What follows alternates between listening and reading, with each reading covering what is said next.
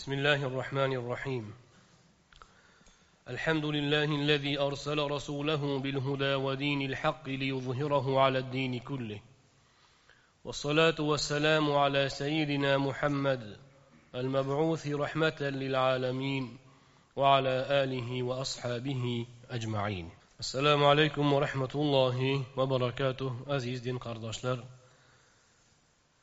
سيركلي سيرة مخلصلر alloh subhanahu va taoloning fazlu marhamati ila o'zining izni va yordami ila abu iso muhammad ibn iso at termiziy rahmatullohi alayhining ashamail al muhammadiya muhammadiy shamoil nomli kitoblaridan o'qib kelayotgan edik. O'tgan suhbatlarimizda biz bir yuz yetmish to'qqizta hadis sharifni o'rganib o'tdik. Bugun bir yuz saksoninchi hadisdan ushbu kitobdagi bir yuz saksoninchi hadisdan boshlab o'qiymiz. O'rganayotgan bobimiz rasuli akram alayhissalotu vassalomning nondan boshqa yegan yegulik taomlari haqida ya'ni idomlar non xurushlar haqida ketayotgan edi. Bugungi o'rganadiganimiz hadislar ham ushbu bobning davomi hisoblanadi va alloh nasib qilsa keyingi boblarni ham o'rganishga vaqt sig'dirgancha harakat qilamiz بسم الله الرحمن الرحيم. وبالسند المتصل عن شيوخه إلى المصنف أبي عيسى محمد بن عيسى الترمذي رحمة الله عليه وهو قال حدثنا ابن أبي عمر حدثنا سفيان حدثنا عبد الله بن محمد بن عقيل أنه سمع جابرا جابرا قال قال سفيان وحدثنا ابن وحدثنا ابن المنكدر عن جابر قال خرج رسول الله صلى الله عليه وسلم وأنا معه فدخل على امرأة من الأنصار فذبحت له شاة فأكل منها وأتته بقناع من رطب فأكل منه ثم توضأ للظهر وصلى ثم انصرف فأتته بعلالة من علالة الشاة. من علالة الشاة فأكل ثم صلى العصر ولم يتوضأ. جابر رضي الله عنه دان رواية قلناد رسول الله صلى الله عليه وسلم يول يشكتلر من هم أوزات بلن برقيدم ansorlardan bir ayolning uyiga kirdilar. Haligi ayol rasuli akram alayhissalotu vassalom uchun bir qo'y so'ydi. U zot alayhissalom o'sha qo'y go'shtidan yedilar. Keyin haligi ayol xurmo yaproqlaridan qilingan bir tovoq olib keldi. Ya'ni unda ham demak e, xurmo bor ekan. Rasuli akram alayhissalotu vassalom undan ham yedilar. Keyin esa tahorat oldilar. Peshin namoziga tahorat oldilar va namoz o'qidilar. So'ng yana qaytib keldilar. Haligi ayol qo'y go'shtining qolganidan yana keltirdi. U zot alayhissalotu vassalom u go'shtlarni ham yedilar so'ng esa asr o'qidilar lekin tahorat olmadilar deydilar jobir roziyallohu anhu. Ushbu hadis sharifda rasuli akram alayhissalotu vassalomni bir e, demak ansoriylardan bir ayol mehmon qilgan hikoya qilinmoqda. Ayol payg'ambarimiz alayhissalotu vassalomga qo'y pishiribdi. O'sha qo'y go'shtidan rasuli akram alayhissalom ozgina tanovul qilganlaridan keyin peshin vaqti bo'lib qolibdi. Rasulimiz alayhissalom tahorat olibdilar peshin o'qibdilar yana namozni o'qib qaytib haligi ayolning uyiga yana qaytib ketdilar. Ayol qo'y go'shtidan qolganini ham rasuli akram alayhissalotu vassalomga taqdim qilibdi. U zot undan yedilar lekin bu gal tahorat olmasdan asr namozini o'qidilar deydilar jobir roziyallohu anhu. Ushbu hadisdan nima foydalar olamiz? Birinchidan rasuli akram alayhissalotu vassalom mehmonga chaqirilgan joyga borganlari. Ya'ni kim chaqirsa ham taklif qilsa mehmonga albatta borardilar. Modomiki vaqtlari sig'dirsaki da'vatga ijobat qilardilar. Rasuli akram alayhissalotu vassalomga sahobalarning sahobiyalarning muhabbatlari u zot alayhissalomni mehmon qilishga oshiqishlari bitta bir xonadonimizga kirib poyqadam qilib bir taomimizdan yesalar baraka bo'lsa degan ilinjda hamma sahobalar hamma sahobiyalar mana shunga intilishar edi. Rasuli akram alayhissalotu vassalom ularning muhabbatlariga yarasha javob qaytarardilar. Hadisdan olinadigan foydalardan biri shuki yana rasuli akram alayhissalom peshin namoziga tahorat olibdilar. Go'sht yegandan keyin. Lekin haligi birga yurgan sahobalar ey demak o't degan narsani yesa tahorat olish kerak degan gap bo'lgan edi. O'sha gap hukm turibdikanda degan hayolga borgan bo'lishlari mumkin. O'sha hayolni o'sha fikrni rad etish uchun rasulimiz alayhissalom peshindan keyin kelib taomlanibdilaru asrga turganda tahoratni yangilamabdilar. O'sha peshinni tahorati bilan asr o'qibdilar. Demak bitta tahorat bilan bir nechta namozni o'qisa bo'ladi modomiki sinmagan bo'lsa. Hadisdan yana olinadigan foyda shuki taom yegandan keyin ozgina taomlangandan keyin agar qorin to'ymagan bo'lsa tanaffus qilib peshin o'qib yo boshqa suhbat qilib turib yana taomlansa bo'lar ekan. Ya'ni bitta tushlikni o'zini ikkiga bo'lib qilsa bo'lar ekan. Lekin sharti oshqozon demakki og'ir kelmasligi kerak hazm buzilmasligi kerak deydi ulamolarimiz. Rasuli akram alayhissalotu vassalomning ta'riflarida oysha roziyallohu anhu rasulimiz alayhissalom bir kunda ikki marta qorinlari go'shtga ham nonga ham to'ymagan edi deb aytgandilar. O'tgan gal o'rgandik bu hadisni. Bu yerda ikki martalab go'sht yeyaptilarku. Peshindan oldin ham go'sht yeyaptilar ekan peshindan keyin ham go'sht yeyaptilar ekan. Bu ikkala hadisni qanday bir e, bitta nuqtaga olib kelsak bo'ladi desa shorihlar aytadilarki oldingi yeganlarida nasiba olib tanovul qilib ozgina yeganlar lekin qorin to'ymagan. Keyingi yeganlarida qorin to'ygan. Peshindan keyingi taomlanganlarida. Ana shundan demak ikki marta to'ymagan degan gap bu hadisga zid kelmaydi deydi shorih ulamolar. Bobga doir joyi shuki rasuli akram alayhissalotu vassalom demak ana shunday qo'y go'shtini ham yeganlari yeganda ham nihoyatda yaxshi pishirilgan qo'y go'shtidan tanovul qilganlari nazarda tutiladi. va yaxshi taomlanish modomiki isrof bo'lmasa modomiki maishatparastlik ma'nosida bo'lmasa bu shariatda hech qanday yomon sanalmasligi ochko'zlik oshopatlik ochopatlik sanalmasligi tushuniladi حدثنا العباس بن محمد الدوري حدثنا العباس بن محمد الدوري حدثنا يونس بن محمد حدثنا فليح بن سليمان عن عثمان بن عبد الرحمن عن يعقوب بن أبي يعقوب عن أم المنذر قالت دخل علي رسول الله صلى الله عليه وسلم ومعه علي ولنا دوالي معلقة قالت فجعل رسول الله صلى الله عليه وسلم يأكل وعلي معه يأكل فقال صلى الله عليه وسلم لعلي مه يا علي؟ فإنك ناقه.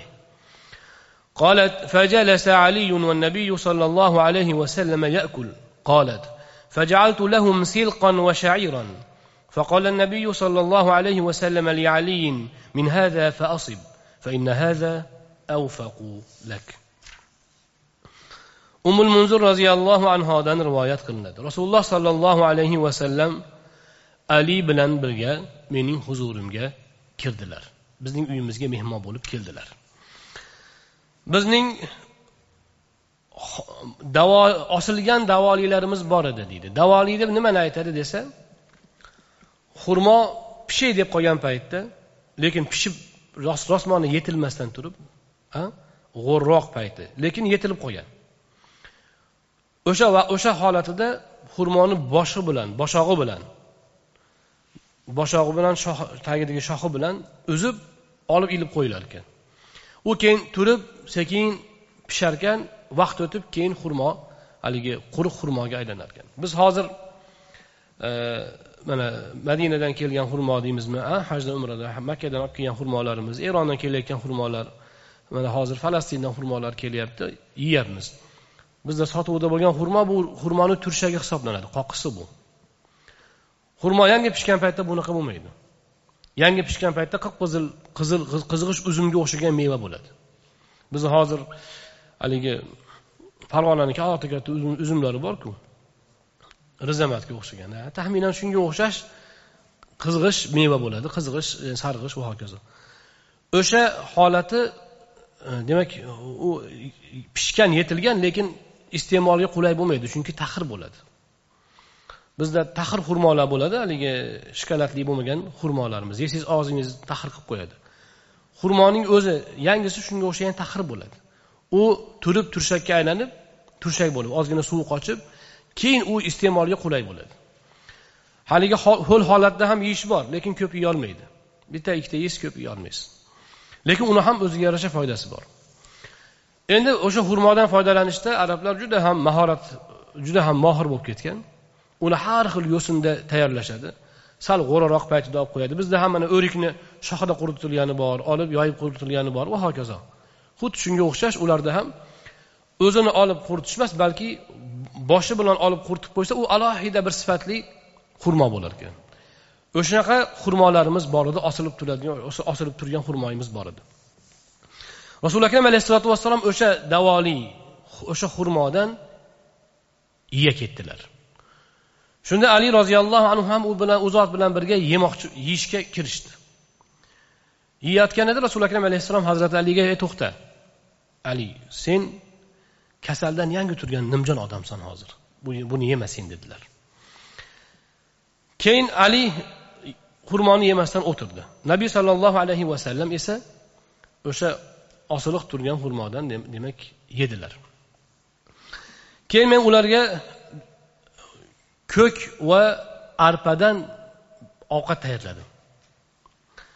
Bu yerda ko'k deyayotganimiz lavlagini bargiga o'xshagan hozirgi salat bargi deyayotganimizga o'xshagan bargli o'simlik bo'lgan o't. U nihoyatda vitaminlarga boy hozir ham bor. O'shandan mana shunaqa arpaga aralashtirib ovqat tayyorlashar ekan ya'ni salatga o'xshashda endi hozirgi kunda aytganda salat. Ana shundoq salat tayyorlab berdim deydilar umi munzur roziyallohu anhu nabiy alayhissalotu vassalom aliga aytdilarki ali mana mana buni ol. Bu senga munosibdir muvofiqdir senga foydalidir dedilar. Ushbu hadisdan rasuli akram alayhissalotu vassalom demak ana shunday arpa va ko'katlarni aralashtirilgan hozirgi singari salat endi. Salatlar ham yegan ekanlar. Ana o'sha davrni o'ziga xos salatlari yemishlari bo'lgan. Ana o'shandan ham iste'mol qilgan ekanlar. Va bu hadisdan biz rasuli akram alayhissalotu vassalomning ovqatlanish borasidagi hushyorliklari va ziyrakliklari va bu boradagi bilimlari yuqori bo'lganiga ham guvoh bo'lamiz. Salomatlikning yarmi taomlanishda. Yarmi. Yarmi boshqa ishlarda. Lekin balki to'qson to'qson foizi ham deyishadi. Taomlanishning tartibli bo'lishi foydali bo'lishi o'rinli bo'lishi salomatlikning garovi. Biz hozir paqir puqir aralash quralash yeymizda keyin doktorga qatnab tabibga qatnab yuramiz. Aslida shuni tartibli yesa mana kelajakda yana hozir quyida yana hadislar keladi. Rasuli akram alayhissalotu vassalom issiq mijozli yegulik bilan ho'l mijozligini qurug'i bilan ho'lini issig'i bilan sovug'ini aralashtirib yeganlar doim. Bu bizni sharq sharq tabobatida nihoyatda mashhur e, bir ta'limot hisoblanadi. Bizni e, onamni qiblagohlari bor edi habibulloh hojdada degan ulug' olim kishi andijonda vodiyda yetakchi o'z davrlarida eng yetakchi ahli ilm kishi bo'lganlar bu kishi andijondagi e, katta jomiy madrasada ta'lim olganlar.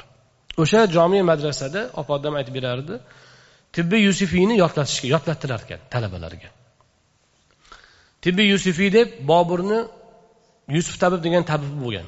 O'sha tabib tibbiy yusufiy degan kitob tabib tabobat kitobini yozgan. Bu kitob boshlang'ich va ommabop kitob. U kitobda hmm, nashri chiqqanmi chiqmaganmi bilmadim lekin turkiy e, nusxasini men o'qiganman ko'rganman. Opadamni kitoblarida bor edi. U tibbiy yusufiyda juda qimmatli ma'lumotlar bor. Birinchidan insonlarni mijozi haqida ma'lumotlar berilgan. Masalan oq rangli odam ho'l mijoz qora rangli odam quruq mijoz. Va hokazo. Mijozning to'ralasini har bittasini belgilari bilan tanishtiradi. Keyin yeguliklarni mana shu mijoz bilan tanishtiradi. Bodamning mijozi du mijoz deb qo'yadi ya'ni issiqqa ham sovuqqa ham torta oladigan. Pistaning mijozi issiq mijoz yong'oqni mijozi undoq mijoz. Va hokazo. Ho'l mevalarni ham shunaqa. Taomlarni ham mana shunday mijozini aytib chiqqan. O'sha ta'limot rasuli akram alayhissalotu vassalomning tabobatlaridan olingan katta qismi. Shuning uchun payg'ambarimiz alayhissalotu vassalomning sunnatlarida hadislarda alohida bob bor. Tibbun nabiy nabiy tabobat. Nubu payg'ambarimiz alayhissalotu vassalomning e, nabaviy tabobati bu nihoyatda pishgan va rasuli akram alayhissalotu vassalomdanning u zot alayhissalomning hayotlari qanchalar bir e, hozirgi til bilan aytganda qanchalar bir tartibli madaniyatli bo'lganiga dalolat qiladi. Va ayni vaqtda u zot alayhissalotu vassalomning bu tabobat bo'yicha maslahatlari garchi shariat hisoblanmasa ham lekin eng qimmatli tavsiya va agar sunnat deb qilsangiz ergashsangiz savob oladigan ta'limot hisoblanadi. Mana bu joyda payg'ambarimiz alayhissalotu vassalom hazrati ali roziyallohu anhuga shar'iy jihatdan emas tibbiy jihatdan xurmoni haligi xurmoni yeyishni man qilyaptilar sen kasallikdan yangi turgansan bu xurmo seni jismingga og'ir keladi deb yedirmadilar demak musulmon odam oldiga nima qo'yilsa to'g'ri kelsa yeyavermaslik kerak ekan mijoziga holatiga qarash kerak ekan. Ana shunda inson sog'lom bo'ladi. Sog'lomlikni foydasi nima? Ibodatda mustahkam bo'ladi. Ibodatda polvon bo'ladi. Ilmga vaqt ajratadi ilm oladi ilm tarqatadi. Insonning jamiki dini dunyo ishlari uchun nima kerak? Salomatlik kerak. Shuning uchun islom ta'limotida salomatlik insonning zimmasida farz hisoblanadi. Rasuli akram alayhissalom seni jismingni ham e, vali jismika alayka haqqun. Seni jismingni ham zimmangda haqqi bor. E, robbika alayka haqqun. Robbingni haqqi ham bor jismingning haqqi ham bor. Ana o'sha o'sha jismning haqlaridan biri uni ehtiyot qilish unga yoqmaydigan taomlarni yemaslik. Rasuli akram alayhissalotu vassalom mana bu joyda hazrati aliga shuni o'rgatyaptilar. Nima to'g'ri kelsa yeyaverma bo'lmasam xurmo meva ularning asosiy taomi bo'lgan.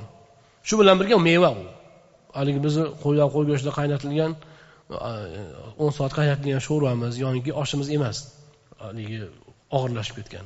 Tabiiy meva. Shunda ham lekin mijozga mijozni hisobga olish va o'shanga qarab tanovul qilishni o'rgatyaptilar. Bu juda katta ta'limot. Biz bugungi kunda mana shu ta'limotlarga nihoyatda muhtojmiz. Yaponlarda shundoq bir tutun bor ekan. Kasal bo'lishga haqqing yo'q deyilar ekan. Kasal bo'lishga haqqing yo'q. Nega desa chunki oldini olish o'zingga bog'liq. Endi favqulodda baribir inson kasal bo'ladi gohida xato qiladi boshqa qiladi. Lekin ana shu darajada ta'lim e, talab qilinar ekanki toinki inson o'zini sog'lom ushlasin hozirgi kunda ular mana shu e, tahoratxonadagi chiqindilarni uzatadigan turbalarga tashxis apparatlarini o'rnatgan uskunalarini. Har kungi ichki holatini ekranda ko'rib turadi. Bugun e, demak jismda buncha e, o'zgarish bor yo'qotish bor yutuq bor demak e, to'g'rilik bor yoki e, me'yordagi holat bilib turadi. O'zgarish boshlanishi bilan tabibga murojaat qiladi doktorga murojaat qiladi. Va doktor e, emas biz ularda ularda g'arb tabobati emas ularda sharq tabobati ustun. Giyohlar tabiiy narsalardan davolanish ustun turadi. Biz o'risga qaram bo'lib mana shu mana bu kimyoviy dorilarga yotib oldik.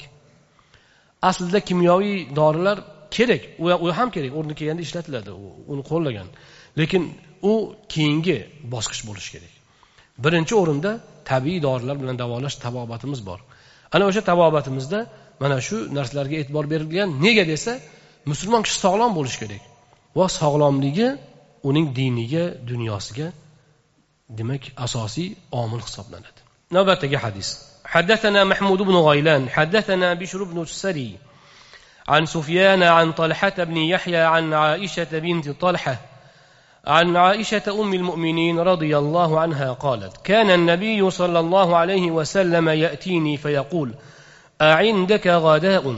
فأقول لا. فيقول إني صائم. قالت فأتاني يوما فقلت يا رسول الله إنه أهديت لنا هدية.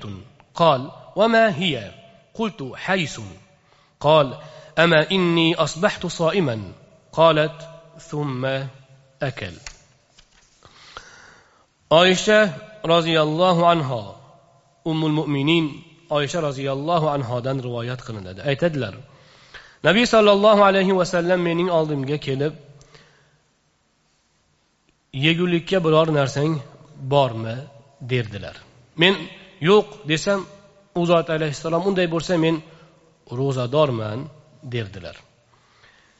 Bir kuni kelib shunday degandilar ya'ni uyingda biror narsa bormi degandilar yo rasululloh bizga bir hadya hadya qilingan. Dedilar. U nima? dedi u zot. Dedilar u zot. Ya'ni oysha roziyallohu anhu bizga bir narsa hadya qilingan debdi. Rasuli akram alayhissalom nima u? Desalar hayz dedim deydi oysha roziyallohu anhu shunda rasuli akram alayhissalotu vassalom lekin men Э, bugun ro'za tutib olgan edimda ro'zador tong ottirgan edim dedilarda so'ng yedilar. Hays deb xurmo keyin suzma yoki qurt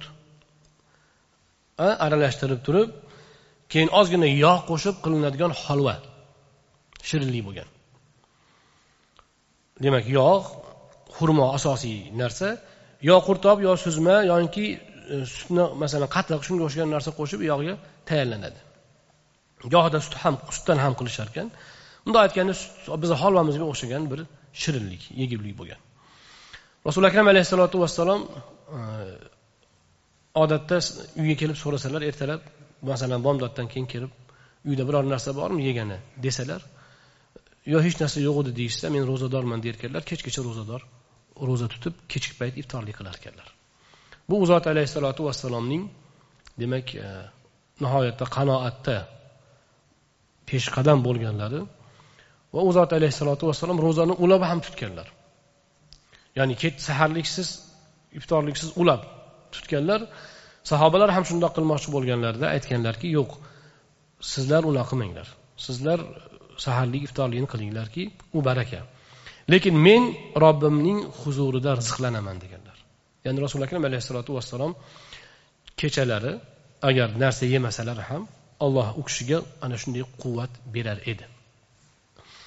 Ba'zi tasavvuf mashoyihlarida ana shunday ruhiy ozuqa olish endi rasuli akram alayhissalotu vassalomning darajalarida emas u lekin o'zlariga yarasha ruhiy ozuqa olish zikr bilan alloh subhanahu va taoloning E, demak mushohadasi zikri orqali ana shunday jismoniy nafaqat ruhiy jismoniy quvvat olish natijasida jismini ozuqadan behojat ushlash tajribalari bo'lgan. Ba'zi bir valiy zotlarni hayotlarida keladi. Arzimagan taom bilan no'xat bilan shunga o'xshagan narsa bilan bir necha kun yashashgan. Ozib ham ketmagan. Ibn qayyim rahmatulloh alayh ustozi ibn taymiya rahmatullohi alayhi haqida aytgan hikoyalari bor. Zindonda bir necha kun taom yemasa ham lekin ko'p zikr qilganidan yuzlari qip qizil xuddi sog'lom yaxshi maishatda yurgan odamdek turaverar edi degan hikoyalarni aytadi. Va boshqa ulamolarimiz e, valiy zotlarni hayotlarida bunga o'xshash holatlar ko'p zikr qilingan. Rasuli akram alayhissalotu vassalom bir kuni so'rasalar oysha roziyallohu anhu uyda narsa bor debdilar. Hays bor degan ekanlar o'sha shirinlikdan yebdilar lekin ro'zani ochibdilar o'zi ro'za tutgan ekanlar. Bu bilan nimani ko'rsatdilar? Bu bilan rasuli akram alayhissalotu vassalom nafl ro'za insonning ixtiyorida ekanini va uni ochish joizligini ko'rsatganlar. Azizlar rasuli akram alayhissalotu vassalom ba'zi bir joiz ishlarni atay ko'rsatganlar. Ulamolar aytadi buni joizligini ko'rsatgani qilganlar. Deb ta'kidlaydilar. Nega shuni joizligini ko'rsatishga u zot muhtoj bo'lganlar? Ya'ni nega joizligini ko'rsatishga e'tibor berganlar desa sahobai ikromlar rasuli akram alayhissalotu vassalomga ergashishda hozir siz bilgan farz sunnat vojib mustahabga o'xshash amallarni taqsimlab ergashishmagan. U zot alayhissalotu vassalomga qadamma qadam so'zma so'z ergashishgan. Ular mana unisi vojib bunisi mustahab bunisi sunnat degan taqsimlarsiz ergashgan. To'liq ergashgan. Mustahabga ergashganda ham vojibga ergashgandek ergashgan. Ular rasuli akram alayhissalomga qadamma qadam so'zma so'z harakatma harakat ergashishga harakat qilganlaridan rasuli akram alayhissalom joizlarni ko'rsatishga ko'rsatishlari kerak bo'lgan. Agar ko'rsatib qo'ymasalar u vojib deb tushunib qolinar edi. Nafl ro'zaning ixtiyori insonning o'zida ekanini ko'rsatish uchun uni rasuli akram alayhissalom o'zlari ham ochib gohida tutgan vaqtlaridan tutgandan keyin ham ochib ko'rsatib berganlar toinki ummatga haraj bo'lmasin uchun.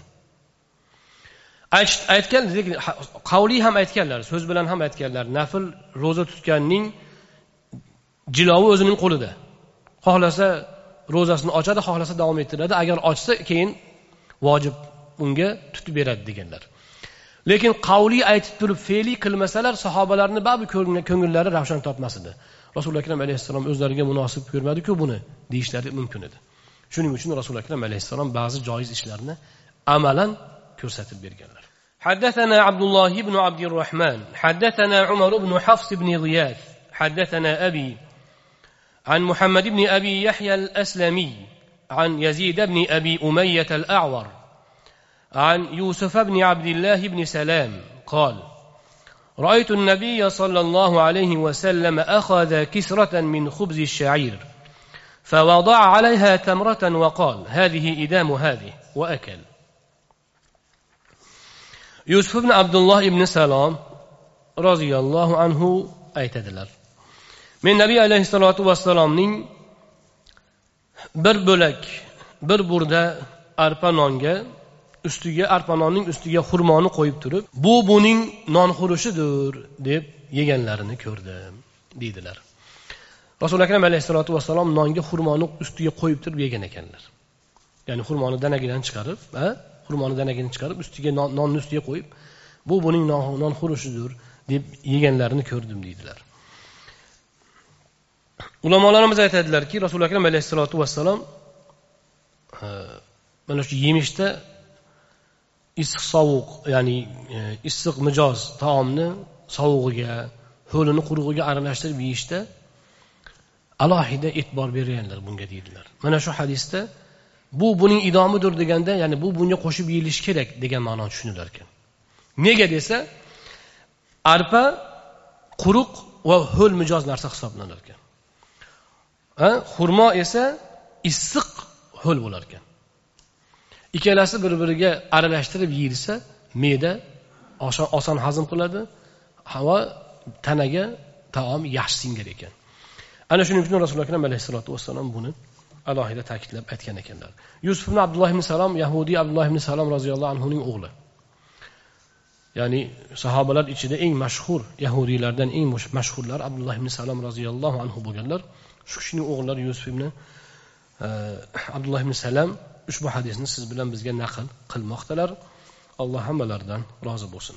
حدثنا عبد الله بن عبد الرحمن أنبأنا سعيد بن سليمان عن عباد بن العوام عن حميد عن أنس أن رسول الله صلى الله عليه وسلم كان يعجبه السفل قال عبد الله يعني ما بقي من الطعام أنس بن مالك رضي الله عنه دان روايات قلنا رسول الله صلى الله عليه وسلم جاء cho'kindi yoqar edi.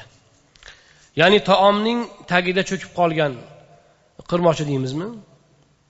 E, mana shunga o'xshash yoki sho'rvaning tagida cho'kib qolgani dimlamaning tagida cho'kib qolgani yoki tovoqdagi ovqatning tagiga cho'kib qolgan qismi rasuli akram alayhissalotu vassalomga yoqar edi deydi anas ibn molik roziyallohu anhu.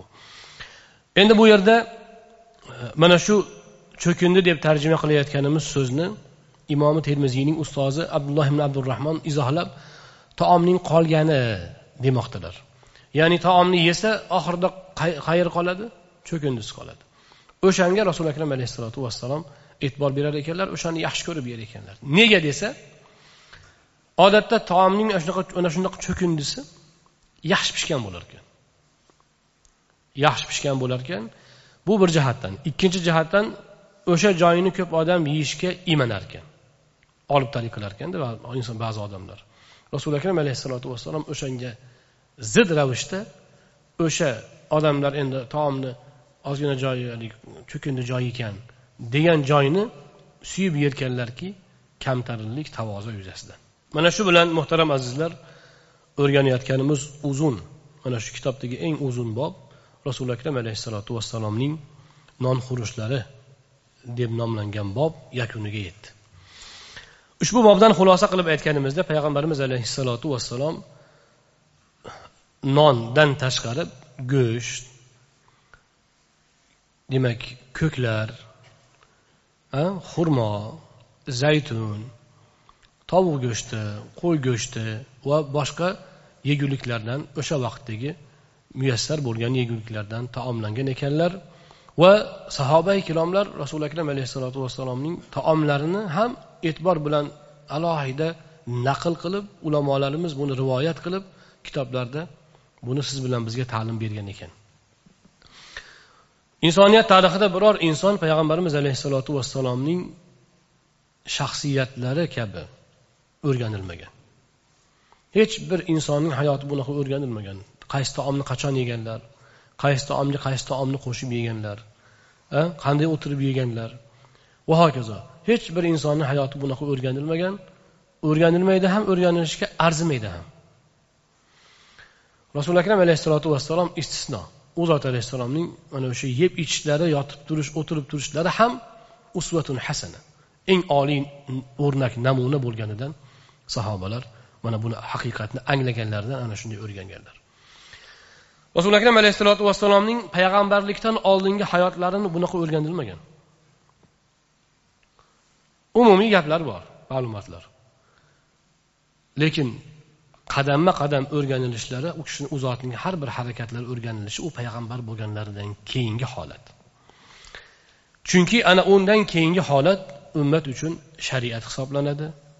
Ummat uchun avvalgi hayotlar ham namuna lekin keyingi payg'ambarlikdan keyingi hayotlari shariat o'laroq namuna bo'lganidan sahoba ikromlar rasuli akram alayhissalotu vassalomning hayotlarini mana shundoq o'rganganlar.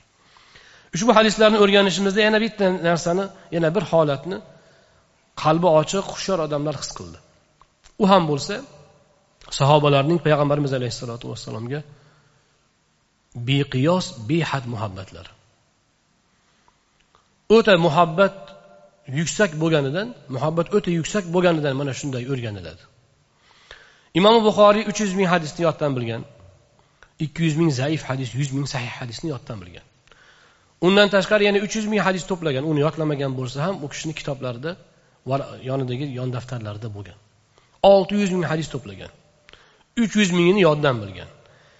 Bir insonning uch yuz ming hadisini yoddan bilish uch yuz mingta gapini yoddan bilish roviylari bilan. Qanday bo'lishi mumkin? Ulamolarimiz aytadilarki xotirami? Ya'ni xotira o'ta o'tkir bo'lgandanmi desa to'g'ri xotira ham kerak lekin xotirani o'zi bilan bu ish bitmaydi. Balki bu bu yerda xotiradan ko'ra muhabbat ustun bo'lgan.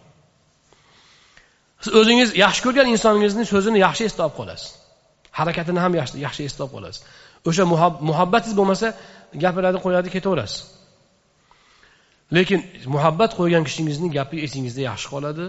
Uni o'zgacha e'tibor bilan tinglaysiz. Ana o'sha muhabbat sahobalar ulardan keyingi tobeinlar muhaddislarimizning minglab yuz minglab hadislarni yodlashishiga asos bo'lgan. Siz bilan biz baholi qudrat o'rganib ma'nolarini qisqacha tanishib ma'nolari bilan tanishib o'tyapmiz. Alloh subhanahu va taolo himmat bersa mana shu kitoblarni yodlashimiz ham kerak. Ayniqsa yoshlar shuni yodlab borsalar yoshlikda vaqt yaxshi zehn yaxshi imkoniyat yaxshi yodlab borilsa ilm bo'lib qoladi. Bir kuni bittadan hadis yodlasangiz bir yilda uch yuzdan ortiq hadis yodlaysiz. Qisqa qisqa hadislar bo'lsa ham. Uch yuzta hadis yodlagan odam u hadis bilmagan odamdan ancha katta darajaga ega bo'ladi. Ustoz shayx hazratlari rahmatullohi alayhi aytadilar bitta kitobni o'qigan odam u kitobni o'qigan o'qishdan oldingi odam emas u deb qo'yardi. Bitta kitobni tugatsangiz siz u odam emassiz endi. Siz bitta kitobga o'sgan odamsiz. A? Hakimlar aytadi inson ming yil yashashi mumkinmi? Bir hakimdan so'rashibdi. Ha bir hakimdan so'rashibdi. Inson ming yillab yashashi mumkinmi? Hakim mumkin debdi. Qanday qilib? Hakim aytibdi kitob o'qib. Qanaqasiga? Bitta kitob o'qisang bitta olimning bir necha yillik ilmiy xulosasini olasan. Sen uning ellik yil qirq yil to'plagan ilmidan ilmini bir necha kunda o'zlashtirding. Sen o'sha o'ttiz yil qirq yilni yashading qo'yding go'yo. Ana shunaqa o'ttiz yil qirq yillik xulosasini xulosani o'zida jamlagan kitobdan o'ntasini o'qisang uch yuz to'rt yuz yil umr ko'rgan bo'lasan. O'nta o'qisang mingga kelgan bo'lasan deydi donishmand. Ana shunday demak kitoblarni o'qib yodlab borsak umrimiz baraka ana o'shanda bo'ladi. Umrimizda baraka umri uzun barakali bo'lishi ana shunda bo'ladi. Yeb ichishni o'zi bu hayot emas. Hayot bu ollohni tanish allohni ma'rifati allohni dinini o'rganish va mana shunga atrofidagi boshqa boshqa ishlar hoshiya hisoblanadi. Mana shuni atrofida aylanaveradi. navbatdagi bob rasuli akram alayhissalotu vassalomning vuzulari haqida boradi. Babu maja fi sifati vudu'i rasulillahi sollallohu alayhi vasallam inda taam rasululloh sollallohu alayhi vasallamning taomlanishda vuzu qilish vuzularining vasfi borasida kelgan xabarlar bobi. Vuzu deganda ikki xil ma'no tushuniladi. Vuzu so'zi o'zi lug'atan qo'lni yuvish. Bu bitta ma'nosi. Shar'iy jihatdan siz bilan biz bilgan tahorat. Qo'ldan tashqari yuz yuzni boshga mahs tortib oyoqqacha yuvish. Bu tahorat. U ham bu ham vuzu. Bu yerda biz nimaga rasuli akram alayhissalomning taom oldida qo'l yuvishi demayapmiz. Deyilsa yoyinki muallif aytishi mumkin edi. Taom desa bo'lar edi rasuli akram alayhissalomning taom oldida ikki qo'llarini yuvishlari deb ham bobni e, atash mumkin edi. Lekin nega vuzu deyildi desa bu bobda keladigan hadislarda vuzu so'zi ikkala ma'noda ham ishlagan. Bir o'rinda tahorat ma'nosida ishlagan bir o'rinda qo'l yuvish ma'nosida ishlagan. Ikkala ma'nosini ham jamlash uchun aynan vuzu so'zining o'zi keltirilgan. Agar qo'l yuvishni o'zi haqida gap ketsa edi vuzuning qo'l yuvish oddiy qo'l yuvishni o'zini anglatgan ma'nosini o'z ichiga olgan hadislargina kelsa edi bobni rasuli akram alayhissalomning taomdan oldin yoki taomdan keyin qo'l yuvishlari haqida desa bo'lar edi. Lekin bu yerda biz bilgan shar'iy tahorat ham tahorat ma'nosidagi vuzu ham kelgani uchun muallif bobda aynan vuzu so'zini ixtiyor qilganlar biz ham uni bevosita qo'l yuvish deb tarjima qilmasdan ikkala ma'nosini sharhlab bayon qilyapmizki mana shu hadislarda ikkala ma'noga dalolat qilib mana vuzu so'zi takror takror keladi حدثنا أحمد بن مانع حدثنا إسماعيل بن إبراهيم عن أيوب عن ابن أبي مليكة عن ابن عباس رضي الله عنهم أن رسول الله صلى الله عليه وسلم خرج من الخلاء. فقرب إليه الطعام فقالوا لا نأتيك بوضوء. قال, قال إنما أمرت بالوضوء إذا قمت إلى الصلاة. ابن عباس رضي الله عنه مادن روايات قلنا. رسول الله صلى الله عليه وسلم خلادا يعني حاجة تنشق كلدلر u zot alayhissalotu vassalomga taom tortildi. Yo rasululloh sizga tahorat suvi keltirmaylikmi? deyishdi.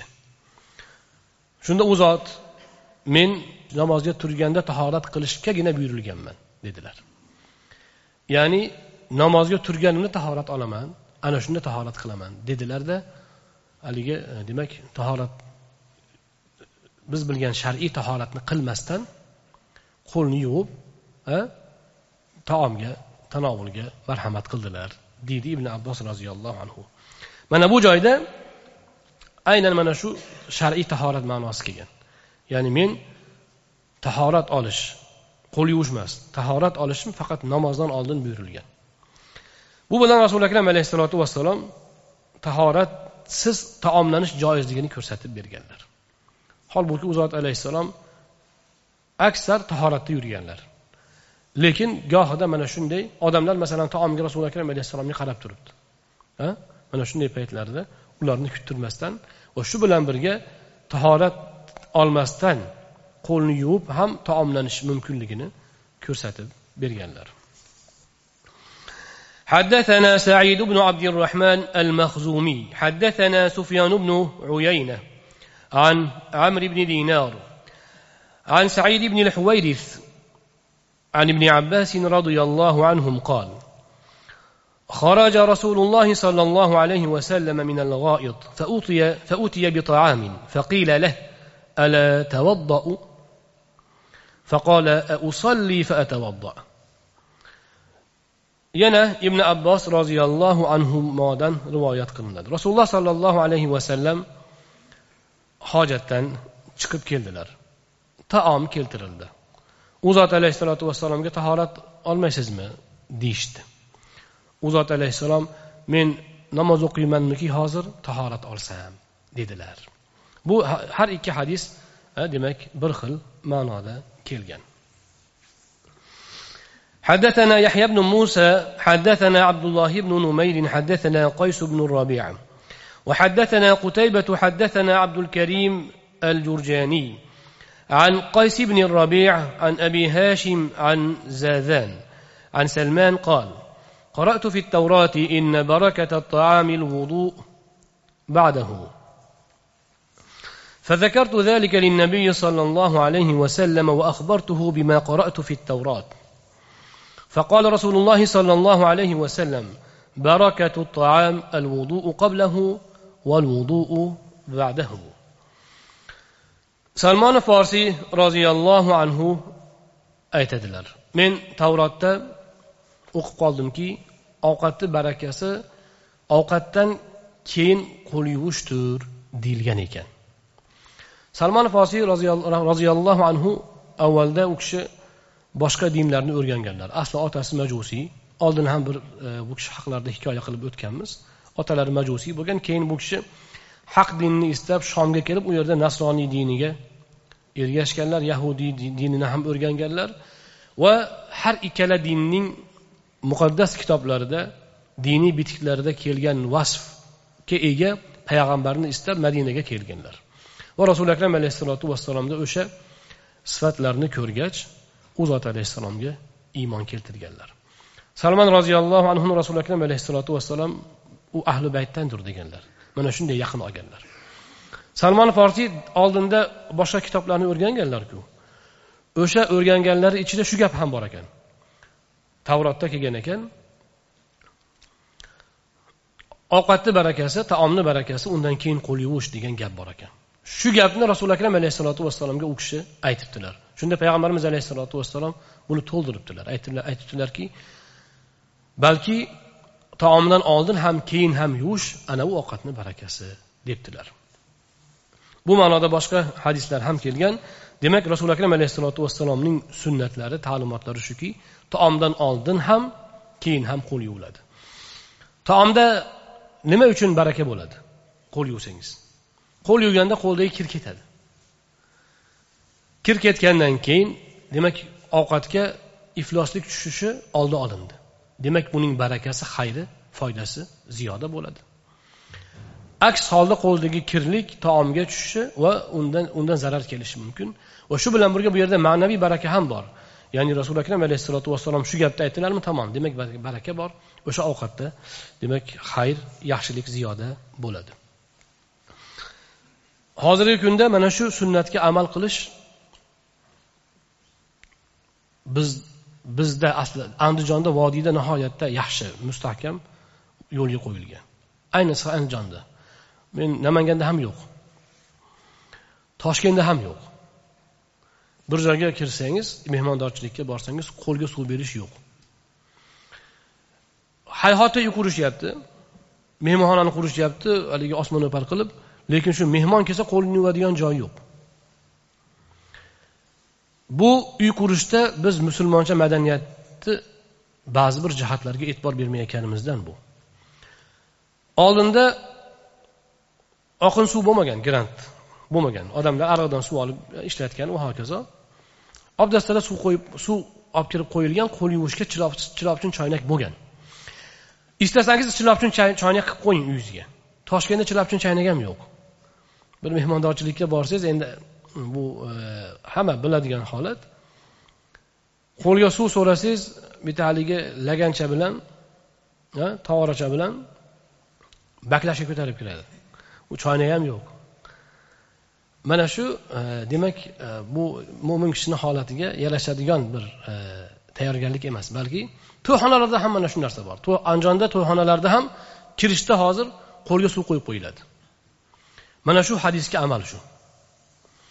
Chunki odamlar pul ushlaydi bir biri bilan ko'rishadi boshqa bo'ladi taomlanishga kelgan paytda haligi qo'lni yuvishga ehtiyoj paydo bo'ladi. Uni o'rniga hozirda endi qulayroq bo'lsin uchun shuni o'rniga nisbatan sal buni xizmatini qiladigan narsa shu nam sochiqlarni qo'yib qo'yadi. Nam qog'oz sochiqlarni qo'yib qo'yishadi. Nisbatan sal mana shu masalani yengillatadi. Lekin xonadonlarda muhtaram azizlar mana shu sunnatni kelinglar ihyo qilaylik tiriltiraylik.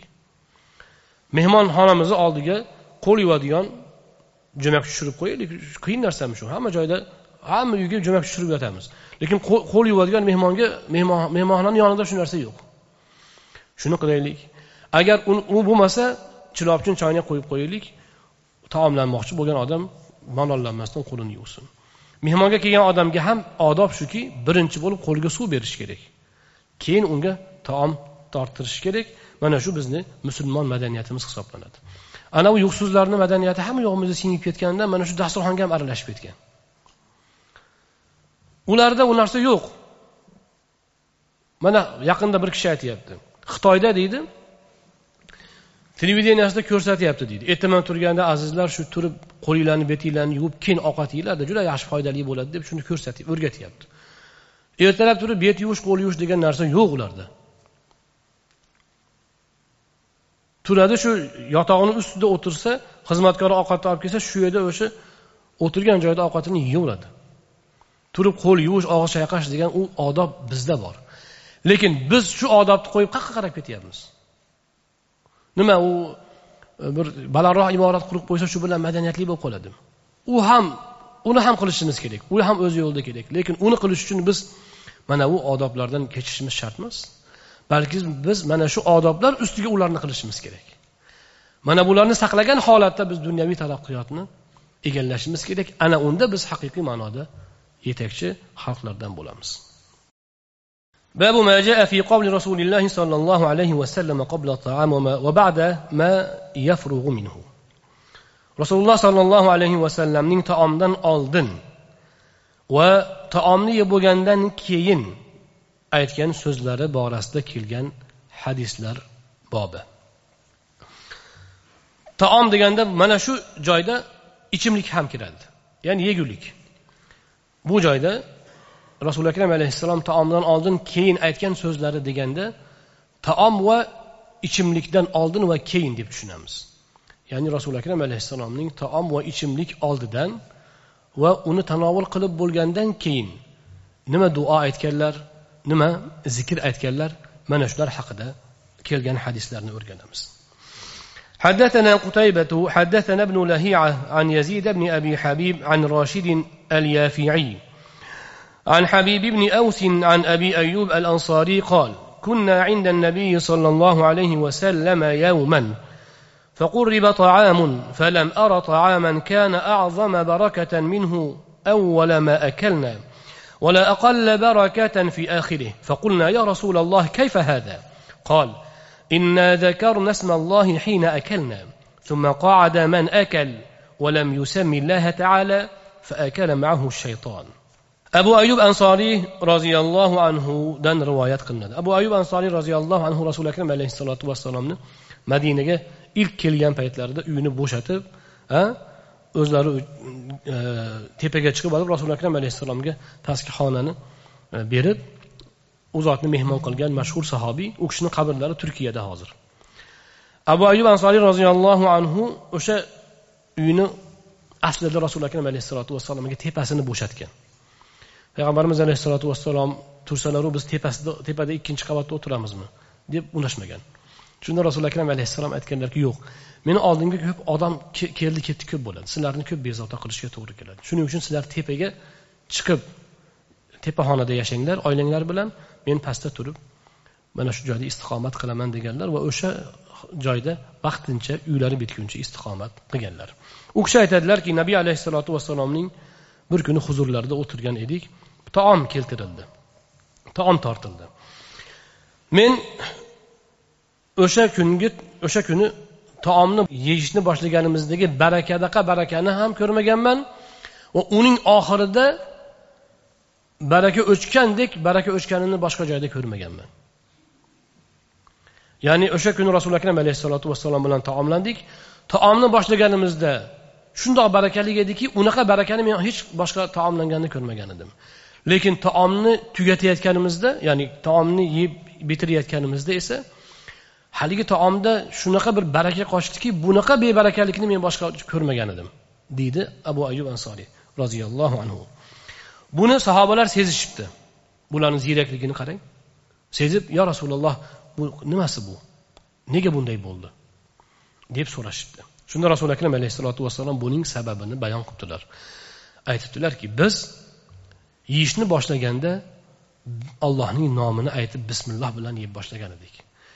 keyin boshqa odam keldi u bismilloh aytmadi ollohni zikr qilmadi ollohni ismini eslamadida yeyishga tushdi shuning uchun u bilan birga shayton ham taomlandi va shu sababdan taomning keyingi qismida biz barakani yo'qotib qo'ydik degan ekanlar rasuli akram alayhissalotu vassalom حدثنا يحيى بن موسى حدثنا أبو داود حدثنا هشام الدستوائي عن بديل العقيلي عن عبد الله بن عبيد بن عمير عن أم كلثوم عن عائشة رضي الله عنها قالت قال رسول الله صلى الله عليه وسلم إذا أكل أحدكم فنسي أن يذكر, أن يذكر الله تعالى على طعامه فليقل بسم الله أوله وآخره. oysha roziyallohu anhodan rivoyat qilinadi rasululloh sollallohu alayhi vasallam dedilar qachon birortangiz taom yeyayotganda allohning ismini zikr qilishni allohni zikr qilishni unutib qo'ysa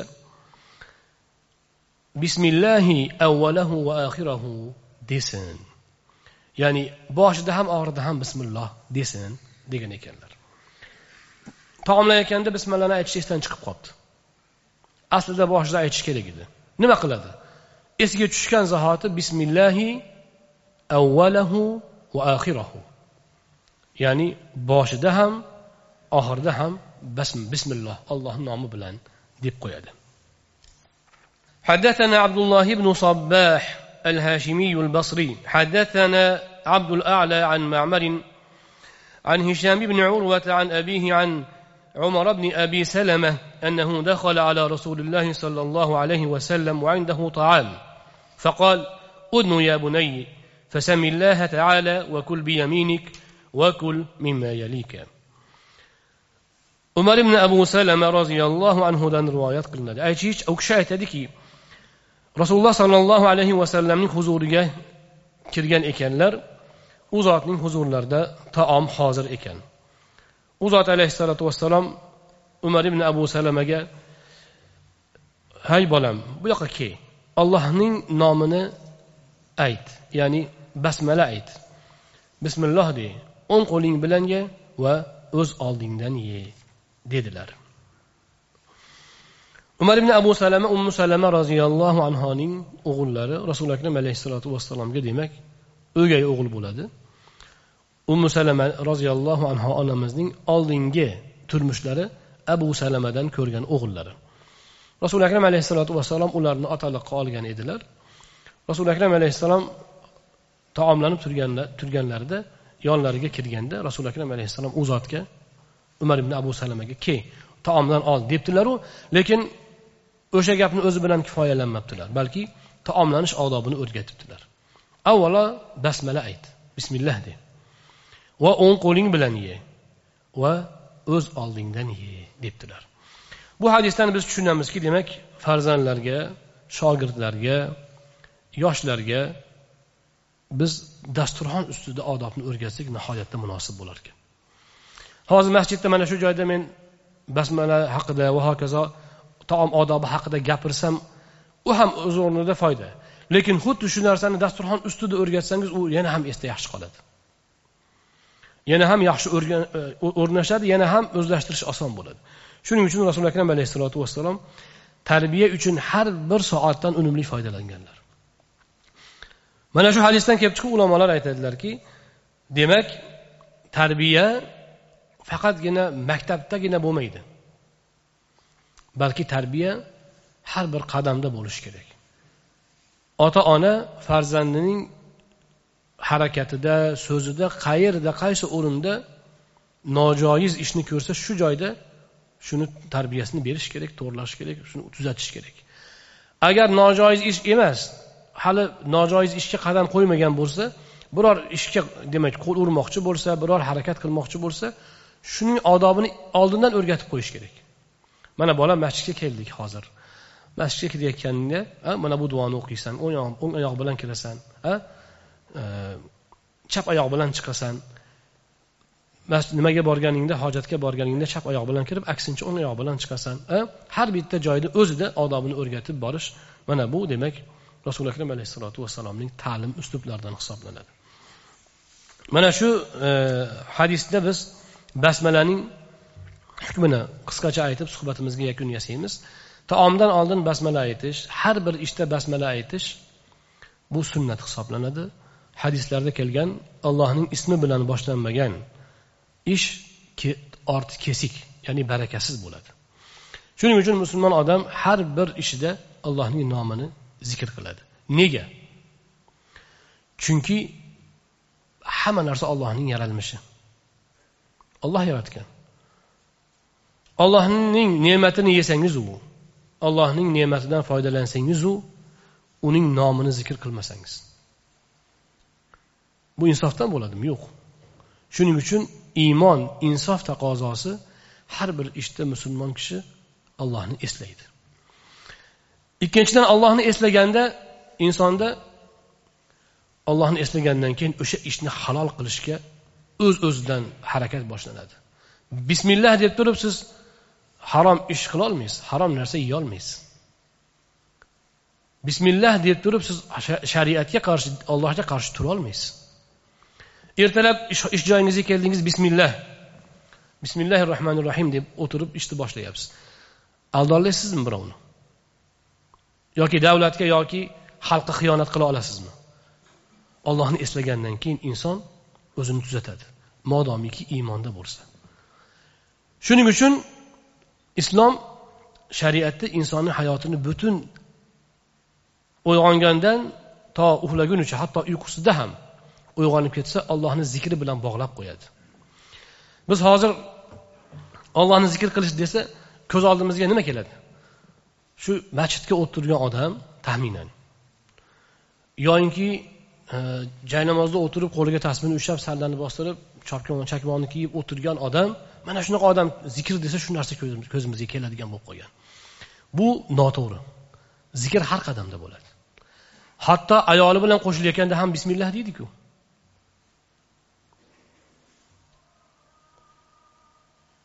Ana tahoratga kirishdan oldin ham bismillah deyiladi kirishdan oldin. Bismillah olloh nomi bilan yuraman tahoratxona tomon. Allohim shaytonlardan panoh so'rayman deb keyin kiriladi tahoratdan chiqqanda bilasizlarmi nima deyiladi? G'ufronak olloh mag'firatingni so'rayman. Nega shunday deyiladi? Tahoratga kirdingiz. Yana duo bor parvardigor mendan ozordan ketkazganing uchun senga hamd degan ma'nodagi duo bor. Lekin eng mashhuri u bilan birga qilinadigan eng mashhur duo g'ufronak mag'firatingni so'rayman. Nega mag'firat so'raladi? Hojatdan chiqqanda. Chunki mo'min kishi ollohni zikr qilmaydigan yagona joy shu yer ekan. Shu yerda parvardigor zikringdan qoldim deb turib o'sha ma'noda mag'firat so'rar ekan tahoratdan chiqqanda olloh seni zikringdan mana shu joyda to'xtadim. Mag'firat qilgin. Taomlanish boshqa ishlarni qo'yavering. Qolgan hammasida zikr bo'ladi duo bo'ladi. Mana taomlanishda ham mana shu demak doim basmala bo'lishi kerak. Ichamizmi yeymizmi bismillah eng kamida ulamolarimiz aytadilarki bismillah o'zi kifoya qiladi sunnatni ado etishga. Lekin bismillahi rohmanir rohim deb qur'onda bayon qilingan basmala shaklini keltirsa bu afzal to'lig'i bo'ladi. Lekin buni bid'at deydiganlar ham bor. Bitta yarimta odam ularni gapi e'tiborga olinmaydi. Chunki jumhur ulamo buni bid'at demaydi. Balki bu takmila deyiladi to'ldirish. Chunki qur'on o'zi basmalani bismillahi rohmanir rohim deb o'rgatgan. To'lig'ini. Lekin endi har harakatda bismillahi rohmanir rohim deyishga qiynalishingiz mumkin. Lekin bismillahni o'zi bilan kifoyalansangiz ham sunnat ado topadi.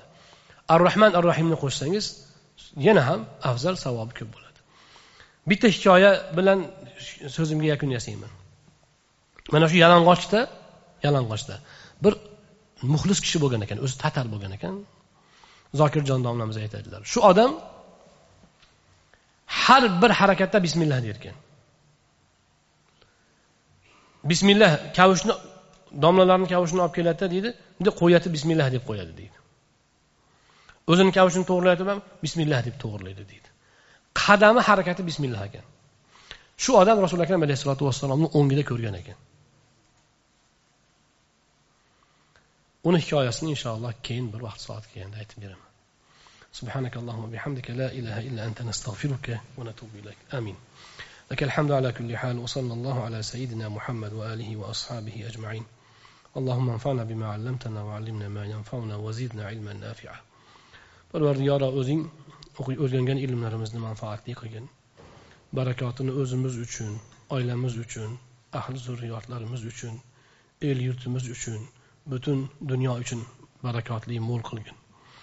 Parvardigoro o'zing o'rganganlarimizga amal qilishimizda o'zing madadkor bo'lgin. Rasulimiz alayhissalotu vassalomga bo'lgan shavqu zavqimiz muhabbatimizni ziyoda qilgin. U zot alayhissalotu vassalomning sunnatlariga amal qilib oxiratda shafoatlarga musharraf bo'lishimizni o'zing muvaffaq aylagin. Bu suhbatlarimizni o'zing bardavom qilgin. To qiyomatga qadar bu yongan chirog'imiz o'chmay borishini alloh o'zing ta'minlagin. Bu ishga xayrixoh bo'lib turgan bunga bosh bo'lib turgan bunga ko'makchi bo'lib turgan barcha azizlarimizni o'zing yorla qilgin. Yurtimizni tinchligi osudaligiga xizmat qilib turgan yurtboshimiz u kishining atrofidagi barcha davlatimiz xalqimiz xizmatda turgan mo'min musulmon azizlarimizni alloh o'zing dillaridagi yaxshi maqsad muddaolariga erishtirib mo'min musulmonlar yurt ravnaqi uchun qilayotgan barcha ezgu niyatlarida alloh o'zing muzaffar aylagin o'zing to'g'rilikka boshlagin hidoyatda barqaror aylagin وصلى الله على نبينا محمد وآله وأصحابه أجمعين برحمتك يا أرحم الراحمين